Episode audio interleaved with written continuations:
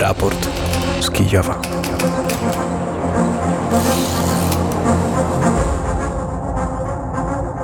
628 dzień rosyjskiej inwazji na Ukrainę, inwazji na pełną skalę. Wita się Paweł Bobułowicz. Naszą audycję realizuje Wojciech Piątek. Co najmniej trzech rosyjskich oficerów zginęło w zamachu w okupowanym przez Rosjan Melitopolu, podaje ukraiński wywiad. Do eksplozji w rosyjskiej kwaterze doszło podczas spotkania funkcjonariuszy FSB i Rosgwardii. Jak podaje na swoim kanale telegramowym wywiad Ukrainy, zamach był aktem zemsty lokalnych grup oporu. Ukraina prawdopodobnie nasila ataki na rosyjskie obiekty wojskowe, logistyczne i inne ważne cele na tyłach okupowanych okupowanej Ukrainy i w Federacji Rosyjskiej. Tak twierdzą analitycy Instytutu Studiów nad Wojną. Analitycy przypominają atak ukraińskich partyzantów na byłego szefa milicji tzw. Ługańskiej Republiki Ludowej, ataki na rosyjskie bazy wojskowe Skadowską, obiekty floty czarnomorskiej na Krymie, a także ataki partyzanckie w Rosji. Prezydent Wołodymyr Załański stwierdził, że Rosja może zwiększyć liczbę ataków na ukraińską infrastrukturę krytyczną, a Ukraina powinna skupić się na obronie i reagowaniu na jej działania. Minister energetyki Ukrainy Herman Hałuszczenko w wywiadzie dla Politico stwierdził z kolei, że Ukraina nie wyklucza ataków odwetowych na rosyjską infrastrukturę energetyczną. Były sekretarz generalny NATO Anders Rasmussen zaproponował, aby Ukraina dołączyła do sojuszu bez terytoriów tymczasowo okupowanych przez Rosję. Jednocześnie Rasmussen uważa, że taki plan członkostwa Ukrainy w NATO nie symbolizowałby zamrożenia konfliktu z Rosją, ale zamiast tego oznaczałby determinację, aby ostrzec Rosję, że nie może zapobiec przystąpieniu Ukrainy do sojuszu. Na granicy polsko-ukraińskiej na trzech zablokowanych przez polskich przewoźników punktach kontrolnych według ostatnich informacji mm, około 2,5 tysiąca ciężarówek czeka na wyjazd z Polski na Ukrainę. Informuje o tym Państwowa Służba Graniczna Ukrainy. W niedzielę potwierdzono także, że w swojej ciężarówce na parkingu w Chełmie zmarł 54-letni ukraiński kierowca, który zamierzał przekroczyć granicę z Ukrainą. Przyczyny śmierci są badane przez polską prokuraturę.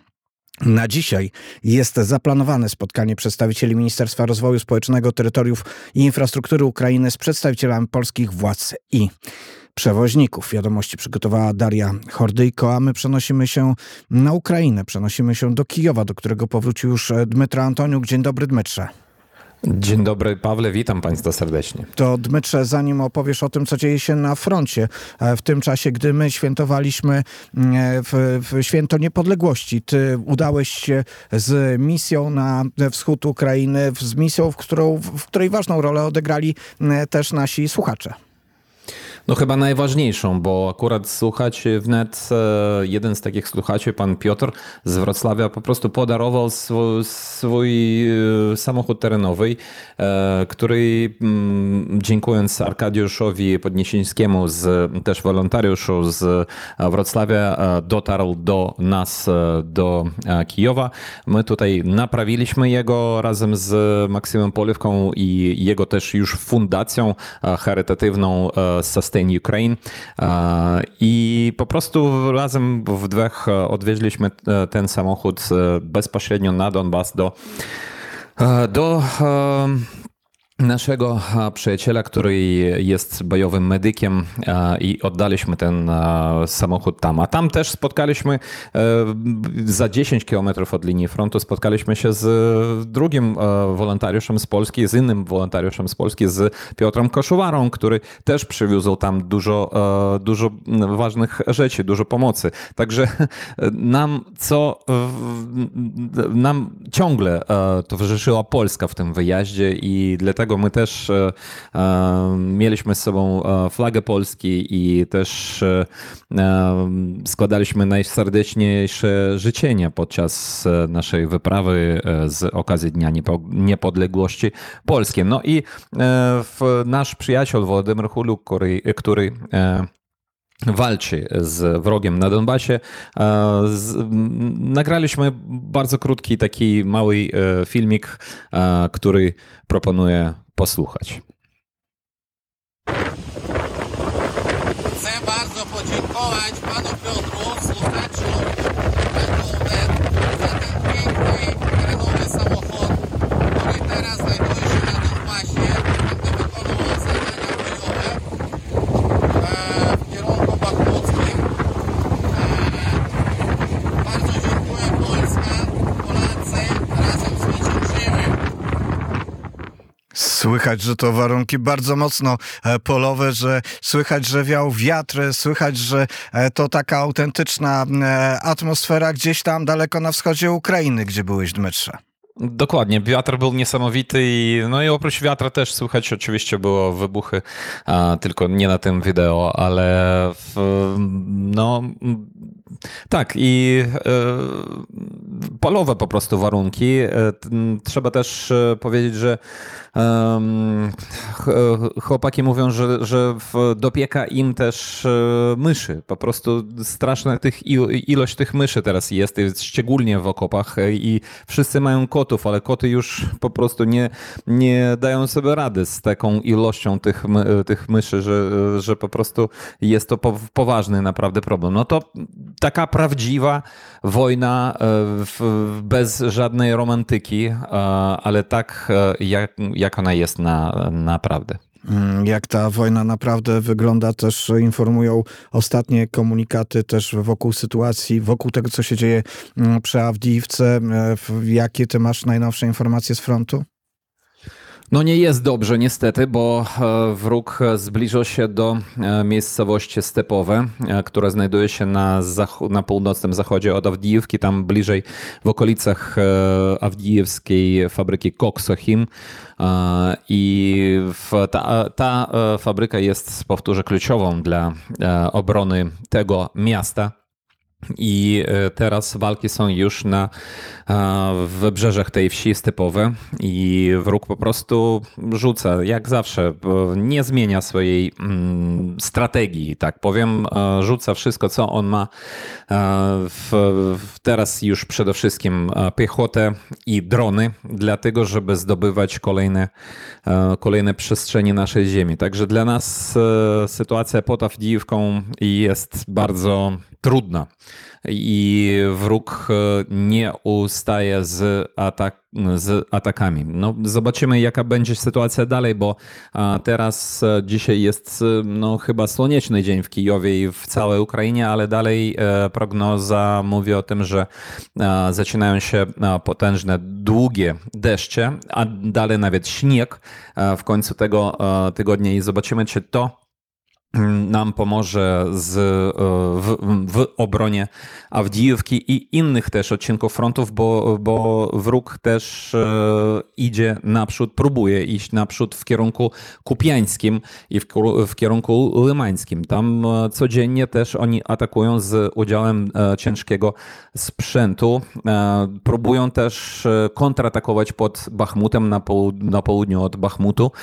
Próbują kontratakować zarówno na kierunku kierunku Melitopolskim i na kierunku Mariupolskim. E, chociaż na e, kierunku Melitopolskim my mamy e, drobne, ale sukcesy i tam, e, tam zbliżamy się do miejscowości Nowoprokopiewka. E, mam nadzieję, że te sukcesy będą kontynuowane, chociaż tam sytuacja też dla nas jest bardzo ciężka wobec tych wszystkich pól z minami i wzmocnień wroga tych betonowych i tak dalej, i tak dalej. No ale też z nadzieją patrzymy na lewy brzeg e, e, Hersońszczyzny, gdzie nadal jest e, potężny przyciółek. Nasze wojska tam też próbują jednak atakować wroga.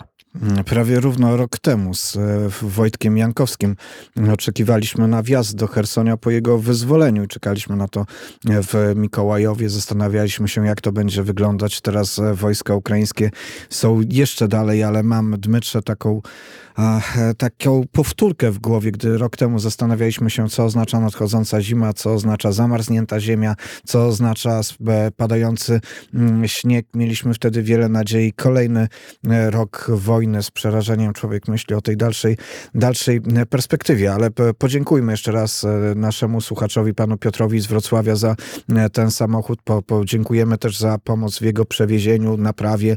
Wspaniała, wspaniała, wspaniały czyn Dmetra i Maksyma, bardzo serdecznie Maksyma, e, pozdrów od nas e, wszystkich. E, Dmytro Antoniuk w Kijowie, a w Lwowie jest Artur Żak. Dzień dobry Arturze. Dzień dobry Dmytrze, dzień dobry Pawle, kłaniam się nisko. Arturze, gdy my świętowaliśmy święto niepodległości, e, gdy Dmytro e, wiózł e, samochód na front, my obserwowaliśmy, co dzieje się też w tej atmosferze świątecznej. W tej atmosferze świątecznej pojawiły się też życzenia od prezydenta Ukrainy. Rzeczy samej pierwszym urzędnikiem państwowym ukraińskim, który złożył życzenia Polaków, Polakom i Polsce był Maksym Kozycki, przewodniczący Lwowskiej Wojennej Administracji Państwowej, ale także później e, prezydent Zeleński w bezpośrednim połączeniu z prezydentem Andrzejem Dudą złożył życzenia. I proszę posłuchać, co powiedział prezydent Zeleński.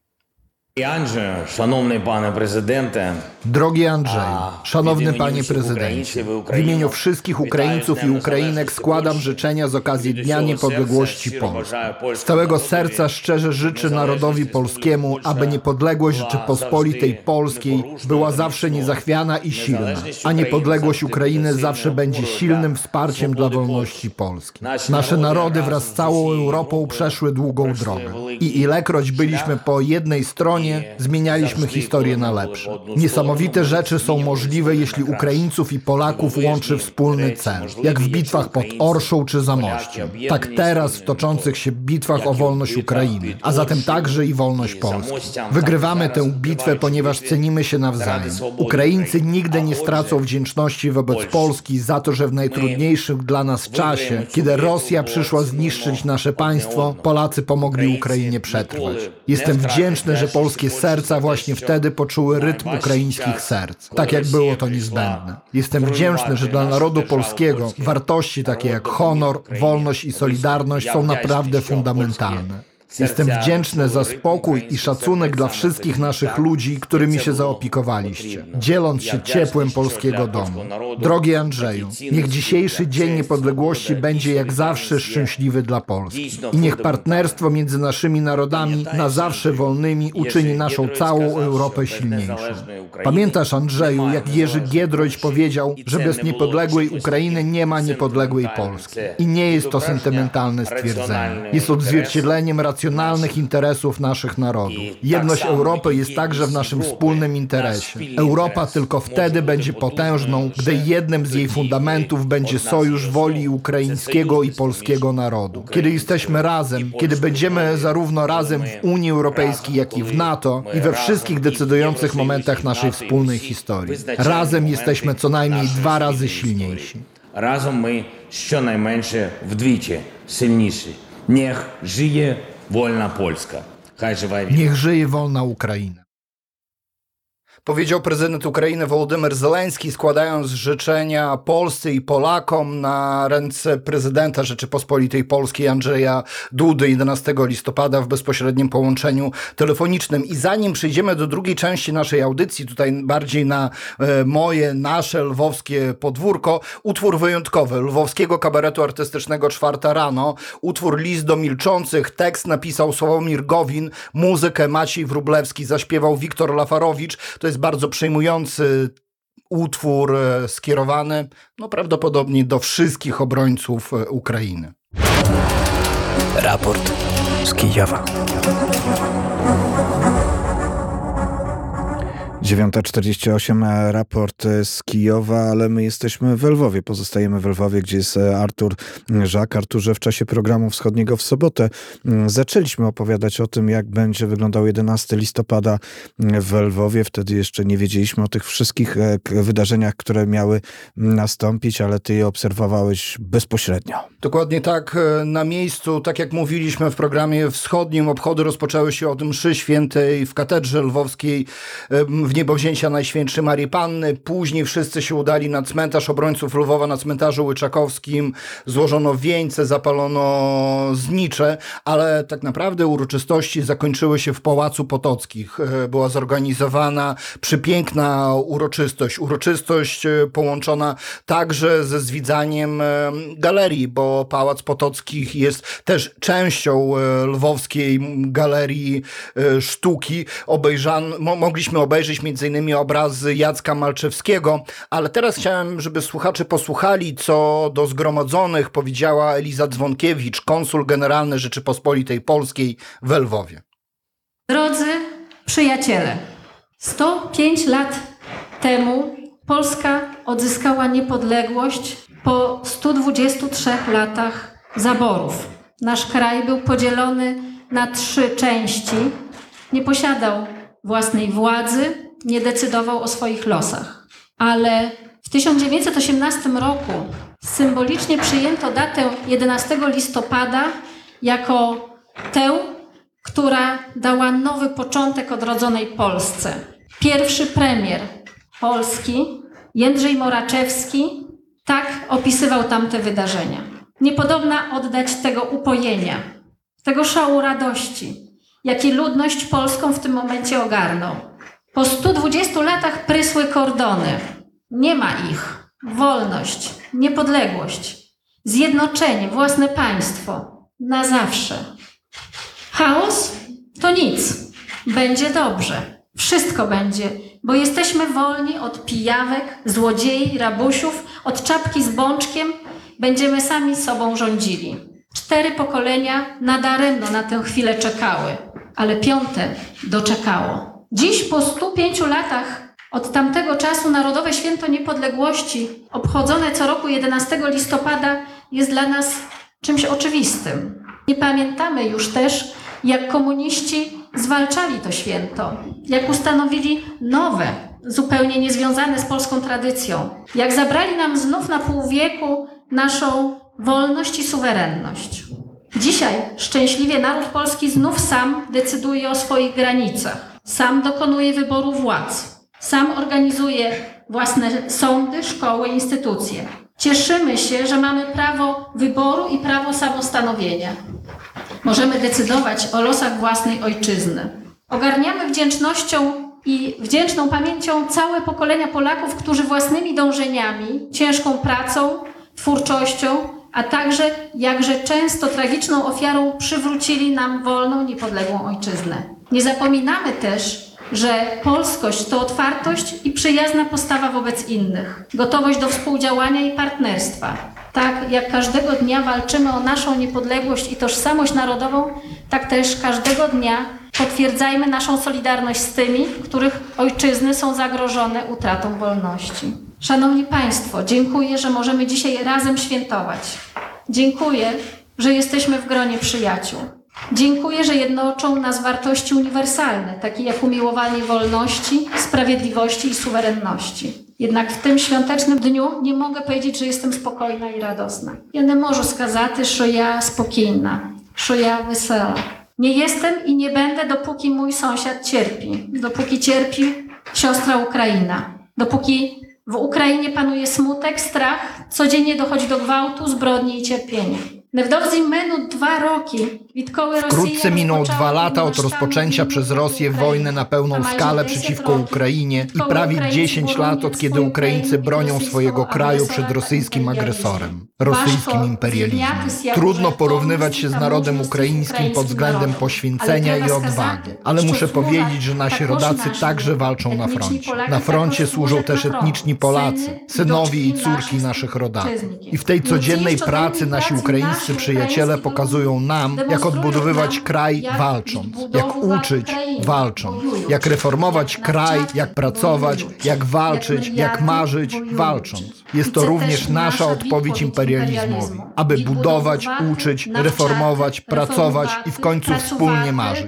Dziś mamy wspólne marzenie o zwycięstwie, pokoju i dobrobycie. Niech więc będą najsilniejszym spoiwem dla naszego sojuszu. Niechaj będą najmocniejszym związkiem dla naszych stosunków.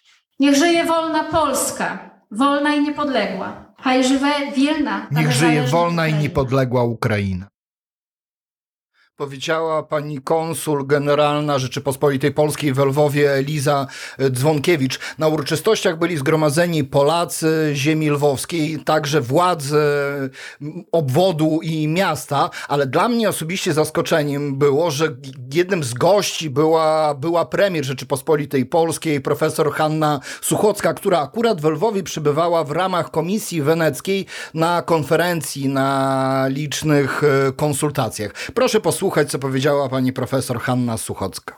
spodziewałam się tego, więc y, tym większe jest dla mnie zaskoczenie, bo biorę udział tutaj w takim spotkaniu międzynarodowym i korzystam z okazji, że pani konsul uprzejmie przekazała mi zaproszenie na dzisiejsze spotkanie, stąd trochę moje późniejsze wyjście, bo dopiero do, mieliśmy przerwę w obradach. Ale jest dla mnie naprawdę wielką radością, że ten dzień wielki dla nas, 11 listopada, mogę tutaj przeżyć właśnie w tym szczególnym miejscu z Państwem e, w polsko-ukraińskim gronie przyjaciół i muszę powiedzieć, że jestem niezwykle wzruszona. Jak weszłam do tego pałacu, zobaczyłam po drodze obrazy Jacka Malczewskiego, tak mi bardzo bliskie, albowiem pochodzę z Poznania, a jak wiadomo Muzeum e, Poznańskie jest pełne e, obrazów Jacka Malczewskiego, a teraz także przechowuje e, obrazy z Lwowa i ta piękna wystawa znajduje się w dalszym ciągu w Muzeum Nar- Narodowym w Poznaniu, właśnie poświęcona Jackowi Malczewskiemu. Natomiast cieszę się, że mogę tu być. Cieszę się, że mimo trwającej strasznej wojny, tej okropnej agresji, która zniszczyła pokojowe życie dobrze rozwijającej się Ukrainy, e, możemy mimo wszystko być razem, być w tym miejscu i możemy jak gdyby przenieść się i w czasie, a także i w nadziei na przyszłość. I Ja życzę, abyśmy mogli jak najszybciej wyjść z tego koszmaru. Ukrainie życzę jak najszybszego wejścia do Unii Europejskiej, albowiem rozpoczęły się negocjacje. Ja muszę powiedzieć, od lat jestem włączona w pracę Komisji Weneckiej, która zawsze wspiera Ukrainę w wejściu do tych struktur europejskich i myślę, że to jest nasze wspólne zadanie i nasza wspólna rola, a Polska zawsze będzie wspierać Ukrainę i dziękujemy zawsze za to wszystkie ro- roczne objawy naszej wspólnej przyjaźni. Dziękuję serdecznie. Powiedziała premier Hanna Suchocka na uroczystościach 11 listopada Dnia Niepodległości w Lwowie w Pałacu Potockich. Bardzo symbolicznym było to, że przed rozpoczęciem tych uroczystości, tuż przed samym rozpoczęciem zakończył się alarm powietrzny, który trwał ponad dwie godziny. Tego dnia alarmy w Lwowie rozdawały się co najmniej dwukrotnie, tak że brzmiały w czasie obchodów na cmentarzu obrońców Lwowa. Bardzo symbolicznie brzmiało, kiedy to Polacy Lwowa i ziemi lwowskiej odśpiewali hymn Rzeczypospolitej Polskiej, a w tle brzmiały syreny. Pawle? To rzeczywiście, Arturze, wyjątkowy, wyjątkowe święto niepodległości z tej e, lwowskiej, ukraińskiej e, perspektywy. Gdy prowadziliśmy program wschodni, wtedy rzeczywiście też cała Ukraina została objęta alarmem przeciwlotniczym. Można sobie wyobrazić, jakie nastroje, jaka, co w waszych sercach wtedy e, się pojawia, w sercach i w umysłach. Arturze, chciałem się jeszcze zapytać o rzecz mniej świąteczną, o echa tego protestu, który jest na granicy, o blokady, blokadzie, blokadach e, przejść granicznych. E, Czy masz jakieś sygnały bezpośrednio z Lwowa, być może od ludzi, od e, tych, którzy zajmują się transportem i biznesem, jak to oceniają?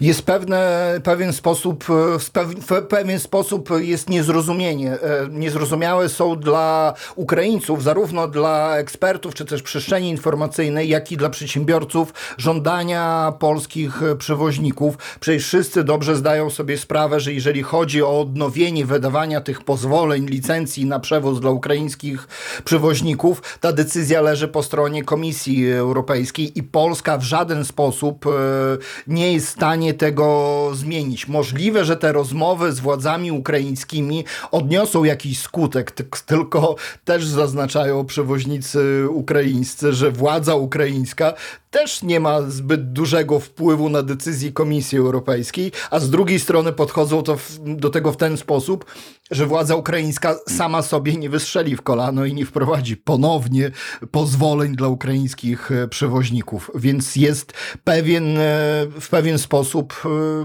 taki impas na terenie Ukrainy. Zobaczymy, jak dzisiaj potoczą się rozmowy. Będziemy tę sytuację obserwować. Zachęcam też Państwa do odwiedzania grupy Kordon Granica, którą prowadzi Tomasz Bart Partecki. Na bieżąco relacjonuje, co na granicy się dzieje. Być może poprosimy go, by znowu był naszym gościem i opowiedział ze swojej perspektywy też polskiego biznesmena, jak ta sytuacja na granicach wygląda. To ostatni temat w dzisiejszym raporcie z Kijowa. Żegna się z Warszawy, żegna się e, Paweł Bobołowicz. I do usłyszenia w raporcie jutro, już za chwilę wiadomości. Raport z Kijowa.